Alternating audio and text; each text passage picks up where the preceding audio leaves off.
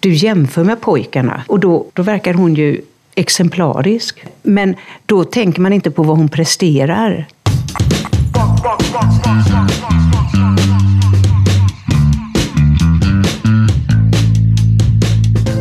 Välkommen till Akademiliv, en podcast från Sahlgrenska akademin, den hälsovetenskapliga fakulteten vid Göteborgs universitet. Jag heter Susanne Westergren och idag ska min kollega Pontus Sundén och jag intervjua vår gäst Svenny Kopp. Svenny är läkare och specialist i barn och ungdomspsykiatri och började tidigt kämpa för att göra flickor med autism och ADHD sedda inom både vården och skolans värld. Hon har blivit lite av en pionjär för genusfrågor i svensk psykiatri. Välkommen Svenny! Tack så mycket. Mm. Ja. ADHD har länge förknippats... Pionjär. Pionjär, ja. Precis, ja. Det är det ju. eh, eh, ADHD har länge förknippats med bråkiga pojkar. Men flickor med ADHD har ofta ett helt annat beteendemönster som gör att deras ADHD upptäcks senare i livet. Vilka är de typiska symptomen för flickor med ADHD? Och när är det vanligast att de får sin diagnos? Det beror på vad du menar med symptom. För att kärnsymptomen är lika. Det vill säga de här tre, överaktivitet, impulskontroll och uppmärksamhet. De är lika, det är ingen skillnad på dem egentligen. Eh, men du måste se detta i eh, den mer alltså beteendemässiga spegeln, för du måste se det utifrån könsmässiga skillnader. Hur beter sig flickor och hur beter sig pojkar? Eftersom det är en beteendediagnos så ser det därför olika ut. Alltså det är mm. våra, våran syn på flickor som gör att man inte riktigt upptäcker på samma sätt som man gör hos pojkar. Ja, det skulle jag vilja säga. Mm. Sen så finns det en del studier, men de är inte särskilt många, att pojkar har lite mer av överaktivitet. Eh, framförallt i yngre ålder och lite mer av impulskontrollstörning. Men det är, det är inte så att det helt slår igenom riktigt. Eh, och sen beror det på vad är överaktivitet? Mm. Eh, mm. Vad är det? Eh, om man definierar överaktivitet som att man springer omkring i rummet och liksom bråkar. Mm. Eh, det är ju en sak, men den överaktivitet som vi ofta ser hos flickor det är ju att de sitter på stolen, eh, de håller på att pilla med håret, de pillar på naglarna, de tuggar tuggummi, de kladdar, eh, de springer på toaletten. De gör allting mer inom en slags mer social accepterad ram mm. när de är i det offentliga rummet. Men är de hemma mm. så är de mycket mer lika pojkar. Klättrar på väggarna? Ja, mer Eller, klättrar ja. på väggarna, eh, slår mamma, mm. eh, sparkar, eh, kastar saker, gör sönder saker. Eh, så att i hemmet är det en stor skillnad mot hur de beter sig. Mm. Men det är ju ganska otroligt att flickor då, fast de är små, kan lägga band på sig på något sätt. Att, att de för, förstår att, men, ja, eller tar tag i det här med att så här får jag inte göra som flicka. Och så gör man allt det här andra. Ja, men då måste vi också se på hur det ser ut, eh, hur vi är socialiserade mm. eller om det är en biologisk skillnad. För, för flickor är relationer mycket viktigare än för pojkar. Okay. Så att för oss handlar det om att vi vill inte störa läraren. Vi vill vara vi vill göra så gott vi kan i relationerna. Det är viktigt för oss att vi är vänner eller att vi kommer överens. Mm. Eh, eh medan för pojkar handlar det mer om eh, jag ska ta min plats. Mm. Eh, okay. Vem är det som är kung här? Mm.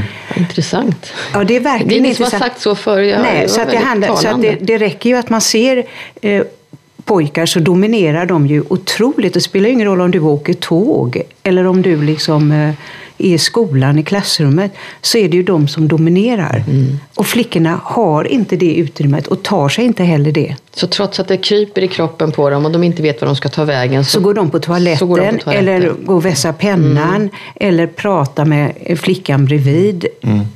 Eller också så dagdrömmer hon. Mm. Är en fantasivärld och det är också sån här biologisk skillnad, att pojkarna har mycket mer av fysisk aggressivitet och också mer av fysisk aggressivitet tidigt.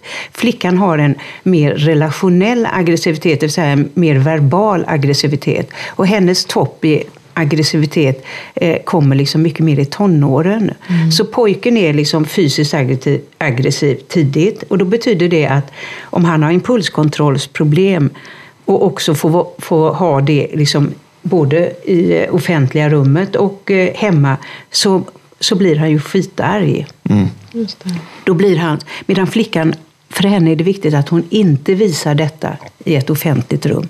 Så hon visar det hemma, där hon kan slappna av. Mm. Då kommer det. Där kan hon inte hålla impulserna. Så man kan säga att våldsamheten är värre för pojkarna eh, totalt sett och kanske också för samhället. Mm. Och, och, det kan man också säga att det är också en av anledningarna att det vi ägnar oss åt egentligen, det, det samhället i, och hela barnpsykiatrin har varit oroad för, så är det bråkiga, farliga pojkar. Mm. Hur vanligt är det att flickor och kvinnor får sin diagnos? Att säga, eller, ja, hur, och när i tiden? Ja, det har ju skett en väldig förbättring måste man säga, åtminstone här i Sverige och i Norden. Eh, så att idag kanske det är eh, jag vet inte, man kan inte säga hur många som får, men vi kan säga så här att flickor får fortfarande den eh, senare än pojkar.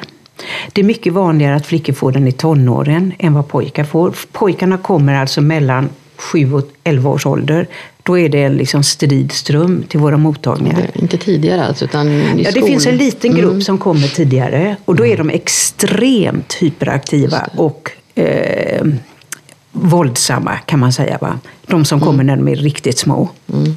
Men om de kommer från 5, 6, 7 års ålder, då är det eh, mer än vanlig ADHD. Man kan inte sitta still, man bråkar, eh, eh, kan inte koncentrera sig. Men flickorna håller ju ihop i skolan.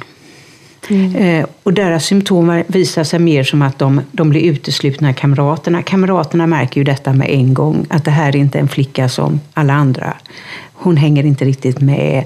Så, men, men föräldrarna eller mammorna kanske inte noterar detta, eller blir oroade skulle jag få säga, kanske förrän i fjärde, femte klass, sjätte klass kanske. Mm. Och skolan märker det i, från och med högstadiet när hon börjar skolka och inte går dit.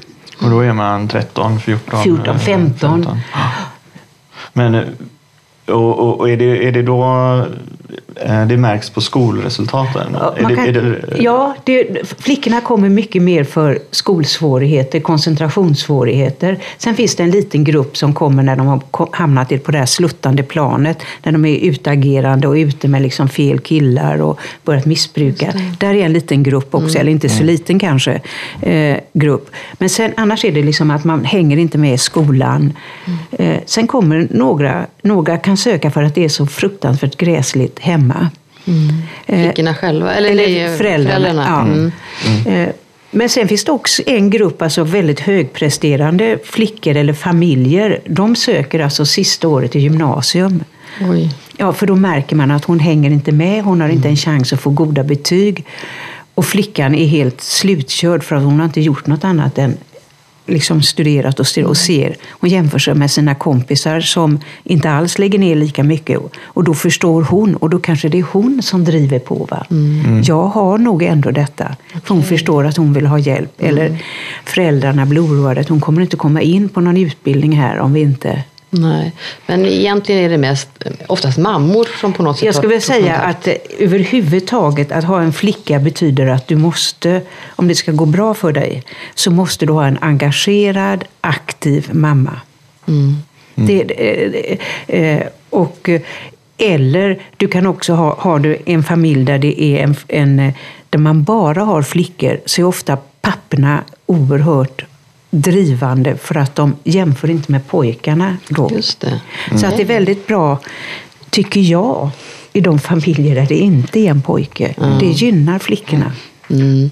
Och vi började ju lite med att jämföra nästan direkt där ja. Eh, också. Men ja. egentligen är det någonting som eh, ja, det missgynnar ju säkert eh, både flickor och pojkar. Man ska istället bara se du ska hela tiden hur, hur är det för just den här personen. Och... Ja, helst ska du jämföra flickor emellan. Va? Ja. Du ska aldrig, och det, det, är ett av de stora felen som har gjorts hela tiden. Att du jämför med pojkarna. Mm. Och då, då verkar ju flickorna inte...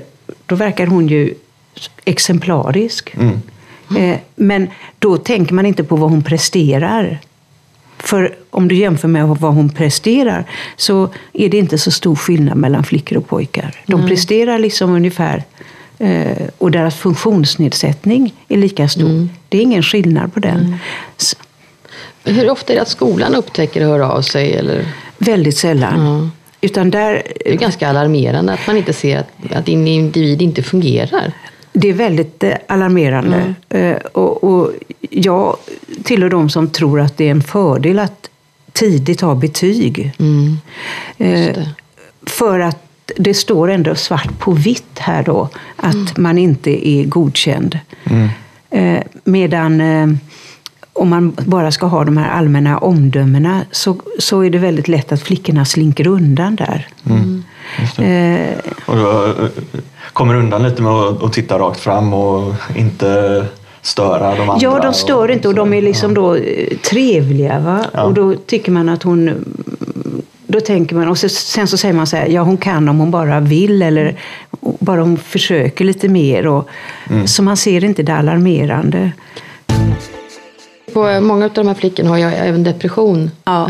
Um, om man hade fått tag i deras problem med koncentration och så tidigare, hade de sluppit mycket av de här depressiva tiderna? Eller är det någonting som följer med som samsjuklighet med ADHD oavsett? Man kan säga att för alla, alltså om vi tittar på mm, flickor och pojkar tidigt så är depression ungefär lika vanligt. Ja, det är det.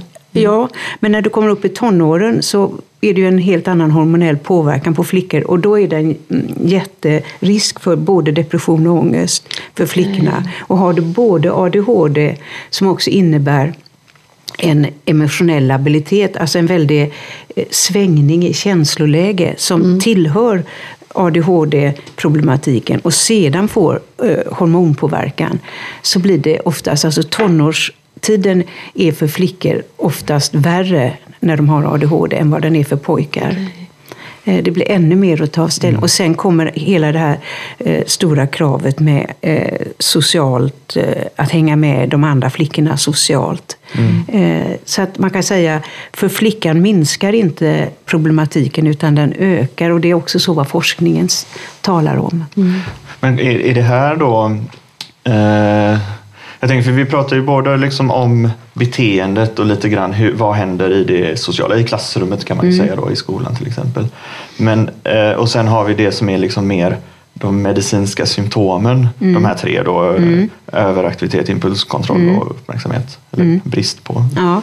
Eh, men om, om man är, blir deprimerad och, och det liksom kopplas ihop med en ADHD-diagnos, är det är det liksom kopplat till beteendet och att saker inte funkar i det sociala eller är det kopplat till mer det, de här symptomen och det liksom medicinska, att man fungerar annorlunda? Nej, alltså det som är det, det svåraste med depressioner det är ju det att mm, både ångest och depression leder ju Ja, det kommer an på vilken åldersgrupp vi pratar om för det första. Men om vi, vi pratar mm. om tonåren mm.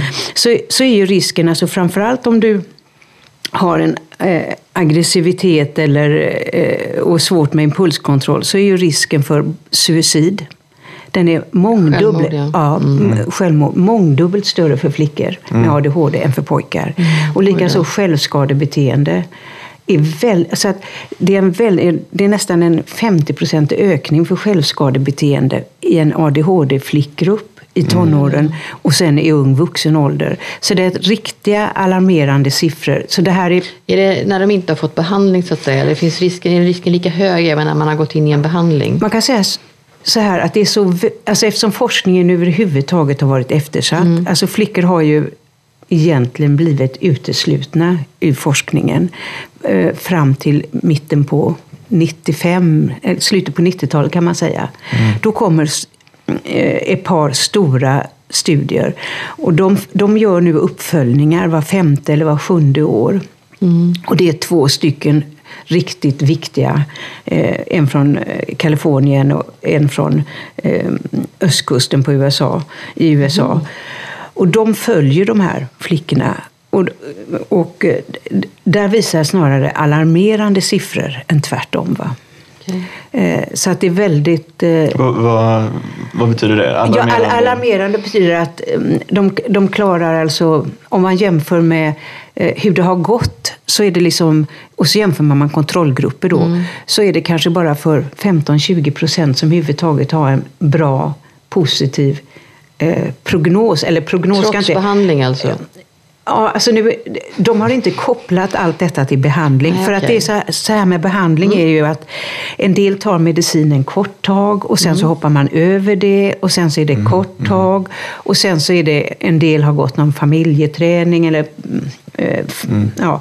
Så att det är väldigt svårt att göra den här kopplingen till Jaha, Så, men det, och det som är alarmerande är att det går dåligt för dem i livet. eh, Ja, att det går dåligt för att de har så, att de har så mycket att kämpa med. Och då är det mycket att kämpa med med depression, ångest, eh, dåliga relationer, skolan har inte fungerat. Alltså att trots att det sätts in resurser så eh, så räcker det inte. Det behövs så mycket mer stöd. Alltså att, Men samtidigt så är detta två grupper. Det skulle behövas kanske åtminstone tio grupper. Va? Så att vi liksom eh, fick en mycket större och ser att det är en, för att ADHD också är, är väldigt spritt. Va? Så det ser så väldigt olika ut hos olika individer. Va? Ja, det gör det. ja. Väldigt stor skillnad. Alltså det har en stor betydelse om du har ADHD med aggressivitet. Det finns en liten grupp flickor som har det. Sen finns det de som har mest uppmärksamhetsproblem. Då är det liksom, de har inte någon särskilt stor eh, självmordsrisk till exempel. Utan det är de med impulskontrollsproblem som har det i huvudsak. Nej. Så att det beror på vilken typ av ADHD du har och hur mycket det är kopplat. Har du ADHD och läs och skrivsvårigheter så har du fått kämpa på ett annat sätt. Va? Har du ADHD med autistiska drag så har du en annan problematik. Så att det här är inte ett tillstånd utan en blandning Jag av... tänkte på behandling i Sverige. Eh, Hur ser den likadan ut över hela Sverige? Finns det några nationella riktlinjer eller hur fungerar det för flickor Ja det, finns, ja, det finns ju riktlinjer eh, såklart. Eh, Och det finns det i de flesta länder. Och, men, men hur det ser ut överallt i Sverige, alltså jag skulle vilja säga att det har ju skett en väldig förbättring men samtidigt så fungerar ju inte barnpsykiatrin eh, idealt på något sätt. Va? Och det har att göra med många faktorer som vi kanske inte kan gå in på här. Men eh, det har i alla fall inte blivit bättre. Eh, eh, det har blivit bättre för att fler blir sedda. Eh, men till exempel att ha en kontinuerlig läkarkontakt eller en kontinuerlig sjuksköterskekontakt som de här familjerna behöver i många år. Det här är ju någonting där man behöver någon som stöttar familjen från de får diagnosen till ja, 25-årsåldern, skulle jag vilja säga. Eh, för det, det händer så mycket på vägen och det är så påfrestande för flickan och inte minst heller för familjen. Det, det, så att, eh, jag skulle ju önska att det var att det var en fast läkare och det var eh, ett fast eh, team. Det behöver inte bestå av särskilt många personer. Utan det, har man en sköterska, har man en läkare, eh, finns det en pedagog så skulle det kunna räcka. Va?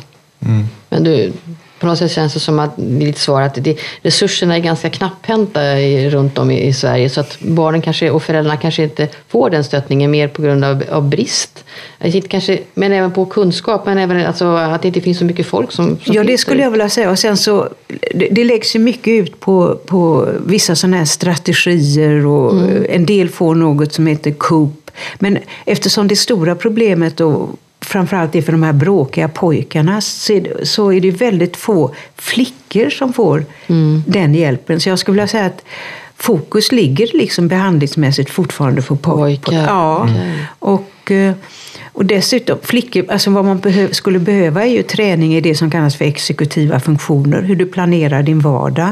För att det har vi inte pratat om. Nej, nej, ADHD är ju är kopplat inte bara till de här kärnsymptomen, det är de man räknar. Men sen så påverkar detta eller det är kopplat något som heter till exekutiva funktioner som har med hur man planerar vardagen, det har med arbetsminne att göra.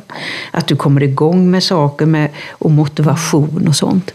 Och eh, har du ADHD så, så är det som så här, du går efter lustprincipen. Va? Du gör bara det som är kul. För då, då får du liksom ett dopaminpåslag och då får du kraft. Just det.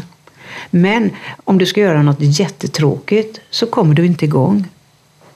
Och då handlar det om att du har en aktiv mamma eller en aktiv pappa som sätter igång dig. Eh, Eh, och det kan ju vara svårt i skolan eftersom då kan ju lärarna tycka ja men alla andra har ju också jobbet med att koncentrera sig så varför kan inte du anstränga dig lite Ja. mer eftersom de kan frisera sin närvaro ganska Ja, och väl. dessutom vill de ju inte avslöja Nej. sig. Va? De vill inte göra bort sig. Nej. Eh, Så att det är väldigt svårt. Och kommer du sedan upp i tonåren så vill de ju absolut inte ha extra hjälp för då ser ju andra att de är annorlunda.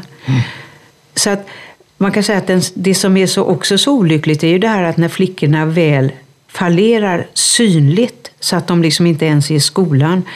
Då är de ju den här åldern 14 till 16 år och då är det ju ingen som vill ha liksom hjälp av vuxna utan då vill man ju köra sitt race. Och då får de varken stöd för vuxna för att de inte orkar ta kontakten och deras kompisar utesluter Ja. dem för att de beter sig så annorlunda och är, Ja. ifrågasätter och så gråtmilda. Och, ja, Ja. Allt det här. Det blir så antingen eller. Det är ju Ja. antingen jätteglad eller jätteledsen. är Ja, det blir en väl, det vä- ja, allting blir för mycket. Va? mm, av allt. Ja. Och sen är det ju inte, ja, så kan man säga. Kan, man, kan man se det också eh, tvärtom? Att, att sko, kan skolan bidra med någonting positivt när den fungerar bra? Ja, det tror jag absolut. Alltså, In, inte bara för att man får bra resultat utan för sjukdomar. nej, alltså, jag, tror- jag, alltså skolan är ju A och O.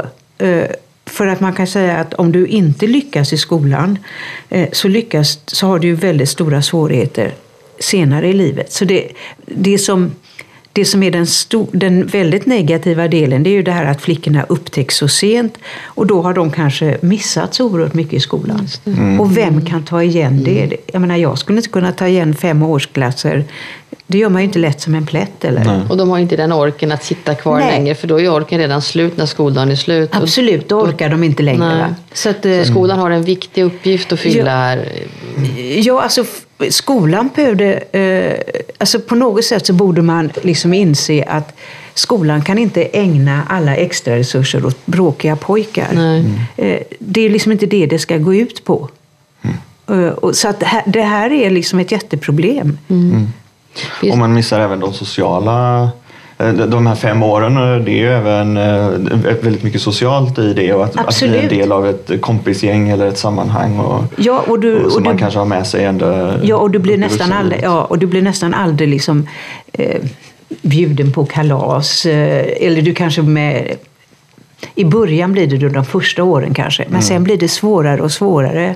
Och du blir aldrig liksom nominerad till bästa kompisen. Va? Och, eh, och är du med kompisar så är det kanske några andra som är lite udda eller utanför. Eller, så att du, din status ligger ju inte på topp. Va? Och, och, dessutom mobbas många. Va? Jag tänkte vi pratade lite grann om det här med behandling. Det kan se ganska olika ut för olika då. Men eh, finns det några nya rön så att säga där man ser antingen KBT eller några nya mediciner som kan hjälpa dem att koncentrera sig? Eller vad? Det har ju kommit mer eh, kortverkande eh, dexamfetamin, alltså de här amfetaminpreparaten och Elvanse tycks ha en lite bättre eh, effekt. Fler tycks i alla fall trivas, om vi pratar om det, eh, med den medicineringen. Eh, Men eh, det är ju ändå inte hela lösningen, det är ju en del av lösningen. Det måste till struktur, väldigt mycket struktur. Det måste till att man tidigt satsar på att flickan blir bra på någonting. Okej. Alltså hon, måste ha en upp, alltså hon måste bli bra på antingen att rida, hon måste bli bra på nå, någonting. Bra på att teckna, bra, bra på att måla, bra på att sjunga. Alltså hon måste ha, liksom, hon måste ha no, något extra att komma med. Va? Är det, och är det för dopaminets skull också? Ja, visst. Liksom, att, Ja, absolut. Men också att det, det blir ju en struktur då. Hon har ju Ja. någonting, hon har något att göra. Va? Och där hon lyckas och inte misslyckas hela tiden. Ja, alltså för att det som också drabbar flickorna i högre grad än pojkarna är att hon är mycket mer påverkad av eh, kritik. Alltså hon, hon tar åt sig mycket mer. Hennes självkänsla sjunker. Eh, Så att om vi jämför flickor och pojkar med ADHD i eh, tonåren så mår flickor i tonåren klart sämre när de har ADHD. Och det är stor skillnad om de, alltså om en flicka utan ADHD. Så hon, hennes självkänsla är, är mindre, hon upplever att hon inte har kontroll på, på, eh, eh, på sin vardag på ett helt annat sätt än pojken. Som eh, på något sätt eh, är mer skyddad. Och han är också, pojkar är också lite mer skyddad mot stress. Testosteron tycks har en mer positiv effekt s- medan flickan inte har så mycket. Eh, Mm. Så att hon är också mycket känsligare eh, tidigt alltså för, för, för press och stress. Va? Så att, Så mm, om man ska, när man behandlar eh, på det liksom bästa sättet då funkar ju skolan bra om man får rätt stöd där och så har man en struktur och en, en, en positiv tillvaro hemma eh, där man också då kanske lyckas med, med någonting. Man, man har sin ridning eller sin, eh, sin Ja. sång eller så. ja, Och sen, eh, de flesta får ändå någon form av medicinering alltså, i kombination med detta, eller hur? Ja, man kan säga så här, i, i den barnneuropsykiatriska sektionen som är den grupp inom barn, alltså Förening för barn och ungdomspsykiatri som handhar den här problematiken. Vår rekommendation är att alla ska pröva medicin. För du kan faktiskt inte veta vem har nytta av Nej. det. Så att det bästa är att pröva det och se, hjälper det, hjälper det inte? Och sen ta ställning. Eh, Så men så ser det inte ut. Va? Utan risken är ju att du behandlar den synligt överaktiva individen, som oftast är pojken. Om du sitter med en flicka eh, som är på ett mottagningsrum och hon framför dig så tänker du så här, nej men hon kan ju inte ha ADHD. Eh, För att hon sitter så fint och så. Va? Eh, så det som man, så att, och det gör ju då att då, då tycker man inte att hon ska ha. Nej. Så att flickorna får mindre medicin än vad pojkar får och behandlas under kortare tid. Och det är internationella data. Ja, det är det. Men, men hjälper medicin? För mediciner generellt har funnits eh, ett tag. Det är ju inte nytt. Även Nej, om nej. att det kommit lite nya varianter Ja. då som funkar bättre. Ja, och, ja. och sådär. Men, och, men hjälper de mot alla, eh, alltså överaktiviteten och impulskontrollen och uppmärksamhet? Eller hjälper Ja. det bara mot... Nej, det, hjäl- de hjälper, de minskar de symptomen. Mm. Men det här som jag pratade om, de här exekutiva problemen, där Mm. hjälper inte medicinen särskilt bra. Och där måste man ha en annan typ av träning. Så därför jag menar att det Mm. är oerhört viktigt att det blir pedagogiska eh, tillrättaläggande och så att struktur och att man så att flickan behöver liksom jättemycket stöd i sitt studerande och i vardagen. Så det känns som att eh, här är ju skolans kompetens väldigt viktig och kanske ett samarbete mellan barn och ungdomsbupp och skolan. Ja. Och sen kanske då att ha turen att ha föräldrar som orkar och har kunskap. För att eh, det kan inte vara lätt att ha ett barn med ADHD och kanske vara ensam och inte ha så mycket ork och kraft själv. Nej, alltså det, det är ju ett, det, du kan ju inte jämföra hur en familj har det om de har eh, en flicka med den här problematiken och en annan familj. Det är ju två familjer som lever i, på olika planeter, eller i alla fall i fullständigt olika länder. Eh, Och stressen är jättestor. Stressen är jättestor framförallt för mödrarna. Stor sjukskrivning eh, under både kortare och längre tid. Så att det här är en jättesvår problematik och den har inte uppmärksammats tillräckligt. Eh, Men dessutom, det ta- pratas nästan inte om det, men det här är ju också ett, eh, en klassfråga. Det har ju en stor skillnad. Det beror ju på vilken klass kommer du från, alltså ekonomisk klass. Kommer du från eh, eh, bättre bemedlade familjer där man kan liksom köpa liksom en ny mobil om den andra har gått sönder eller eh, du kan få åka på språkresa eller du kanske kan få extra lärare eller du kanske kan få rida. Va? Eller åka till fjällen så du kan bli bra på slalom. Va? Slalom är alltså, eller snowboard, det är en sån här toppengrej. Va? Just för att de behöver den fysiska aktiviteten ja, för att och lugna är ner liksom sig. fart Det är och riktigt. fläkt över det. Va? Så, att, Nej, och det... Mm. så att jag tycker att det pratas för lite om vilken betydelse det har med eh, familjens ekonomi. Va? Eller har, har du bil eller har du inte bil? Va? Jag Det hänger ju tänkte, också ihop med en viss självkänsla hos föräldrarna. Alltså att är jag, är jag en bra mamma eller är jag en dålig mamma? Eller, Absolut. Eller pappa då för den delen. Eller, och vad har jag för, för liksom eh, vad har jag för eh, självförtroende i, i samhället och i kontakt med myndigheter och så. Ja, ja, Det, det känns som att det, allt det där skulle kunna spela in lite då. i- Ja, det spelar ju väldigt... flickans situation, ja. ja, och det, det finns ju många som har ADHD och som har klarat sig väldigt bra. Jag menar den här entreprenörs-ADHD. Ja, jag tänkte jag skulle just fråga, för du har ju, du, du, din avhandling utmynnade i något som heter Flickprojektet 1999 ja. och nu håller du på med en uppföljning ja. där flickan har hunnit bli mellan 16 och 33 år. Så du får gärna ja, 20, 20, och 30, 20, 20 och 35 är 20 35, okay. ja, Vi har hållit på i två år nu. Ja, hur har det gått för flickorna som du liksom ja, alltså, då? Det är för tidigt egentligen att äh, säga någonting så här äh, väldigt äh, detaljerat.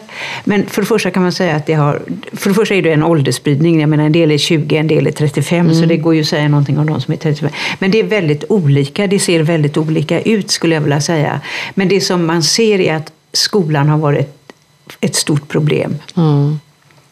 Och det håller i sig. Mm. Eh, så att trots att det här är flickor som har fått hjälp, de, har fått, de är utredda, de har, många har medicinerats, eh, så ser vi ändå att skolan har varit eh, Alltså de har inte lyckats, alltså de har kanske tagit studenter men då med väldigt mycket kompletteringar och strul mm. efteråt. Och, mm. Så att det, det ser vi och eh, nu, nu ska vi ju jämföra med en kontrollgrupp och det har vi inte gjort ännu. Så att därför är det, det svårt att säga. Men, men jag skulle vilja säga att det är väldigt varierande. För mm. en del har det gått väldigt bra.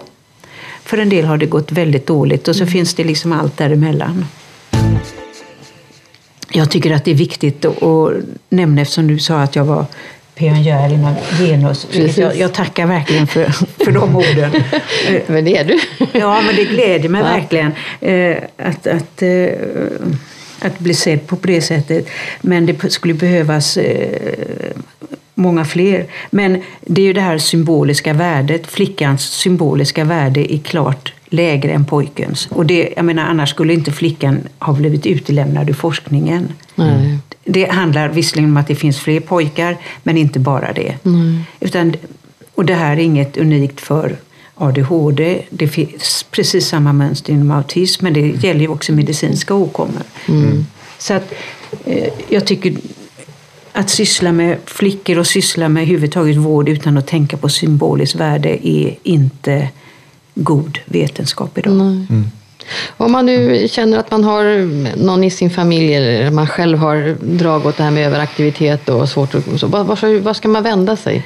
Ja, det är barnpsykiatrin som har hand om det. Mm. Eh, så det är de som ska utreda och, och, och, eh, och ta hand om också behandling. Sen finns det ju eh, fortfarande, åtminstone här i Göteborg, att barnläkarmottagningar tar hand kan ta hand om de yngre fram till fem, fem års ålder, fem, mm. sex års ålder kan utreda. Men så vet jag inte om det är överallt i landet. Mm. Men, men, vänder man sig direkt då till barnpsykiatrin eller går ja. man till sin vårdcentral? Nej, du vänder dig direkt till, ja. till, till, till uh, barnpsykiatrin. Mm. Uh, och sen, men där får du ju oftast vänta då. Mm. Och, och, där hamnar vi först då liksom att vem är det som prioriteras? Jo, det är den som kastar ut ett bord genom fönstret i skolan. Va? Mm. mm. Gör något, står det på remissen eller så. Va? Mm. Mm. Medan flickan sitter där kanske tyst och då prioriterar man inte henne. Så mm. för det första så, så, skulle man absolut alltid prioritera eh, flickor lika högt. Va? Mm. Eller högre till och med tycker jag. Ja. Mm. Och, och sen eh, om du själv tror så är det, då är det vårdcentralen som ska skicka en remiss till vuxenpsykiatrin. Har något som har gjort starkt intryck på dig genom åren för att avsluta och avrunda? Som du ja, det är mycket som har gett intryck. Men det som har påverkat mycket under hela... Det är liksom eh, så mycket eh, som föräldrarna får kämpa och hur utlämnade de är. Det är nästan... Eh, det har varit väldigt eh, plågsamt. Mm. Eh, väldigt plågsamt att mm. se. Tack så hemskt mycket för att du kom hit idag Ta och tack pratade. Så mycket. Tack så eh, mycket. Verkligen. Ni ska ju prata mer om det här eh, alldeles ja. strax. För nu är det början av april och ni kommer ha en stor konferens i Göteborg. Ja, just det. 10-11 april. En konferens som heter Essence och som, uh, uh, uh, som hålls av professor Kristoffer Gillberg på Gillberg centrum. Mm. Och vill man veta mer om den här konferensen så kan man ju gå in eh, där man lyssnar på våran podd och så kan vi ge lite mer information med länkar och så. Och likadant om man är intresserad av din forskning så kommer vi lägga lite länkar om man vill läsa som förälder eller som, Ja. som vuxen med ADHD själv och lära sig mer. För kunskap vet du ju, det, det gör ju ändå väldigt mycket för skillnad. Stor skillnad. Och, och som lärare. Och som lärare, ja, det är viktigt. Ja. Det är helt ja, riktigt. väldigt. Vi säger tack för idag. Som sagt, jag heter Susanne Westergren och min kollega Pontus Sundén har intervjuat Sven Kopp idag. Tusen tack. Tack så mycket.